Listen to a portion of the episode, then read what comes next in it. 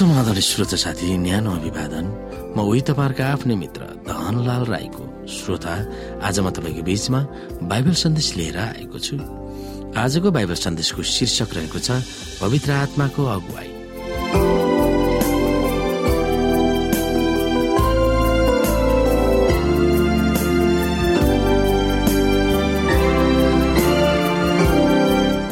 श्रोता हाम्रो हृदयमा परमेश्वरको प्रेमलाई पोखाउन परमेश्वरको पवित्र आत्मा अत्यन्तै शक्तिशाली माध्यम हुनुहुन्छ।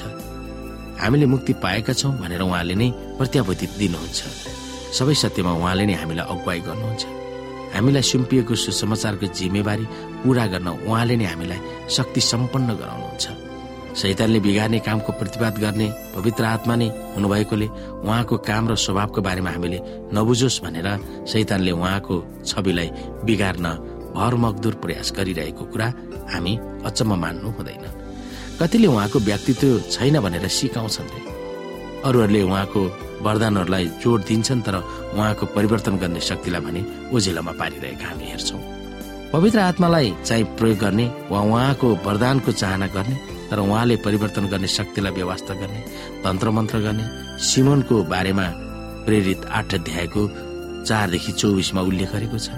कतिपय इसाई जगतमा नै यस किसिमको मनस्थितिले कसरी अड्डा जमाइरहेको छ हामी हेर्न सक्छौँ। चारदेखि तब ती छरपष्ट भएका चेलाहरूले चारैपट्टि गएर वचन प्रचार गरे। फिलिप चाहिँ सामरियाको एउटा सहरमा गएर तिनीहरूलाई ख्रिसको प्रचार गरे।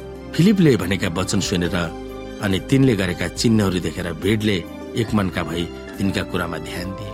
किनकि धेरैजनाबाट अशुद्ध आत्माहरू ठुलो स्वरले चिच्याउँदै निस्कन लागे। र धेरैजना पक्षघातका रोगीहरू लङ्गडाहरू पनि निको पारिए। यसरी त्यस सहरमा ज्यादै आनन्द भयो। सिमन नभएको एकजना मानिस त्यहाँ थियो।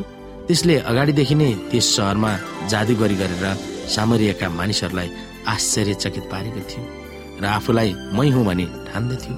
त्यस मानिसलाई सानादेखि ठुलासम्म सबैले यसो भनेर मान्थे यो मानिस परमेश्वरको त्यो शक्ति हो जसलाई महाशक्ति भनिन्छ।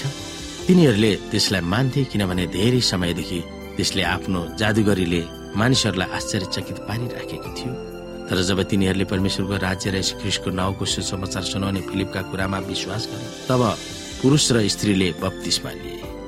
सिमन आफैले पनि विश्वास गर्यो त्यसले बत्तिसमा लियो र त्यो फिलिपसँग लागिरह्यो। चिन्हहरू र ठुला ठुला अचम्मका काम गरेको देखेर त्यसलाई आश्चर्य लाग्थ्यो। सामरियाका मानिसहरूले परमेश्वरको वचन ग्रहण गरे भन्ने सुनेर एरिसिलेमा रहेका प्रेरितहरूले पत्रुस र योहनालाई तिनीहरू कहाँ पठाए। उनीहरू त्यहाँ आएर तिनीहरूले पवित्र आत्मा पाउन् भनेर तिनीहरूका निम्ति प्रार्थना गरे। किनकि यतिन्जेलसम्म तिनीहरू मध्ये कुनै माथि पनि उहाँ आउनु भएको थिएन। तिनीहरूको बत्तिसमा प्रभु येसुको नाउँमा मात्र भएको थियो। तब उनीहरूले आफ्ना हात तिनीहरू माथि राखे र तिनीहरूले पवित्र आत्मा पाए। जब प्रेरितहरूले हात राख्दा पवित्र आत्मा पाइँदो रहेछ भन्ने देखेर सिमनले यसो भन्दै तिनीहरूलाई रुपियाँ दिन लाग्यो मलाई पनि यो शक्ति दिनुहोस् र मैले जोसुकै माथि हात राखिदिएपछि त्यसले पवित्र आत्मा पाओस्। तर पत्रुसले भने तिम्रो रुपियाँ तिमीसँग नष्ट होस् किनकि परमेश्वरको वरदान रुपियाँले किन्न सकिन्छ भने तिमीले विचार गर्छौ। यस विषयमा न त तिम्रो केही भाग छ न त हिस्सा नै छ किनकि परमेश्वरको सामान्य तिम्रो हृदय ठिक रहनेछ। यसकारण तिम्रो आफ्नो यस दुष्टताको निम्ति पश्चाताप गर अनि प्रभुमा प्रार्थना चढाउ र सायद तिम्रो हृदयको यस्तो विचारले क्षमा होला। किनकि म देख्दछु तिमी तिक्तताले भरिएका छौ अनि अधर्मको बन्धनमा छौ। तब सिमनले भन्यो तपाईँहरूले नै मेरो निम्ति प्रभुमा प्रार्थना गरिदिनुहोस् र तपाईँले भन्नुभएको कुनै पनि कुरा म माथि आइ नलागोस्। कस्तो अचम्म सिमन बत्तिसमा लिएर हिसाई भएको थियो। चेलाहरूको पछि पछि पनि लागेको थियो। र उसको हृदय परिवर्तन भएको थिएन र पैसाले धर्मको नाउँमा परमेश्वरको मर्मलाई किन्न खोजेको थियो। त्यसको फलस्वरूप उसले पत्रुसको हप्की खानु पर्यो। बत्तिसमा लियो भन्दैमा सबैजना यसको मित्र वा विश्वासी नहुने रहेछ। यस मामिलामा सिमनको कथा एक ज्वलन्त उदाहरण हो। परमेश्वरको वचनमा लेखिएको सबै सत्यतिर परमेश्वरका सन्तानलाई पवित्र आत्माले नै अगुवाई गर्नुहुन्छ। यसुले स्पष्ट रूपमा भन्नुभएको थियो मती सात अध्यायको एक्काइसदेखि हामी हेर्न सक्छौँ। मलाई प्रभु प्रभु भन्ने सबै स्वर्गको राज्यमा प्रवेश गर्ने छैनन्। स्वर्गमा हुनु नै मेरा पिताको इच्छा पालन गर्ने मानिसले मात्र परमेश्वरको राज्यमा प्रवेश गर्नेछ त्यो दिन धेरैले मलाई खोज्नेछन् प्रभु प्रभु के हामीले तपाईँको नाउँमा अगमबाडी बोलेनौ? तपाईँको नाउँमा भूतहरू धपाएनौ र तपाईँको नाउँमा अनेक शक्तिशाली काम गरेनौ र? अनि म तिमीलाई सफासँग भनिछु मैले तिमीहरूलाई कहिले चिनेको छैन। ए अधर्म काम गर्नेहरू मबाट दूर हो। त्यसको अर्थ परमेश्वरको वचनबाट पवित्र आत्माले मानिसलाई कहिले पनि अरूतिर डोर्याउनुहुन्न उहाँ आफैले पवित्र वचनलाई जनसमक्ष ल्याउन प्रेरित गर्नुभएको थियो। हामीलाई जहिले पनि बाइबलकै मुताबिक उहाँले अगुवाई गर्नुहुन्छ। जब पवित्र आत्माले हामीलाई सबै सत्यतिर डोर्याउनुहुन्छ त्यही पवित्र आत्माले अरूहरूलाई पनि त्यतातिर अगुवाई गर्न हामीलाई सशक्त बनाउनुहुन्छ। जब हाम्रो पवित्र लक्ष्यलाई पूरा गर्न अघि बढ्दछौँ तब उहाँको विशेष सहयोग हामीलाई उपलब्ध हुन्छ। त्यसकारण प्रत्येक बिहान हामी प्रभुको सामु घोडा टेक्नुपर्छ र उहाँलाई हाम्रो दिनलाई अर्पण गर्ने शपथ खानु पर्दछ यदि हामीले यो गर्यौँ भने उहाँले हामीलाई उहाँको पवित्र आत्माको उपस्थिति हामीमा गराउनुहुन्छ।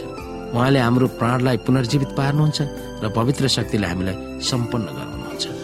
र प्रत्येक दिन हामीले हाम्रो विवेकले जे ठिक छ त्यही गर्ने र गलततिर नलाग्ने प्रतिबद्धता गर्दै उहाँको अगुवाईको निम्ति हाम्रो हृदय खुला राख्नु पर्दछ त्यसको अर्थ परमेश्वरको सत्यलाई खोजी नीति गर्ने बानी बसाल्नु पर्दछ।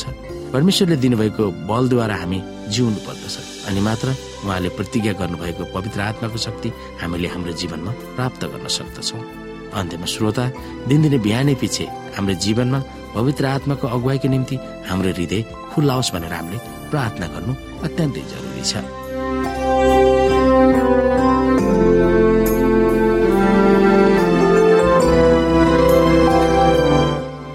श्रोता साथी आजको लागि बाइबल सन्देश यति नै। हस्त नमस्ते जय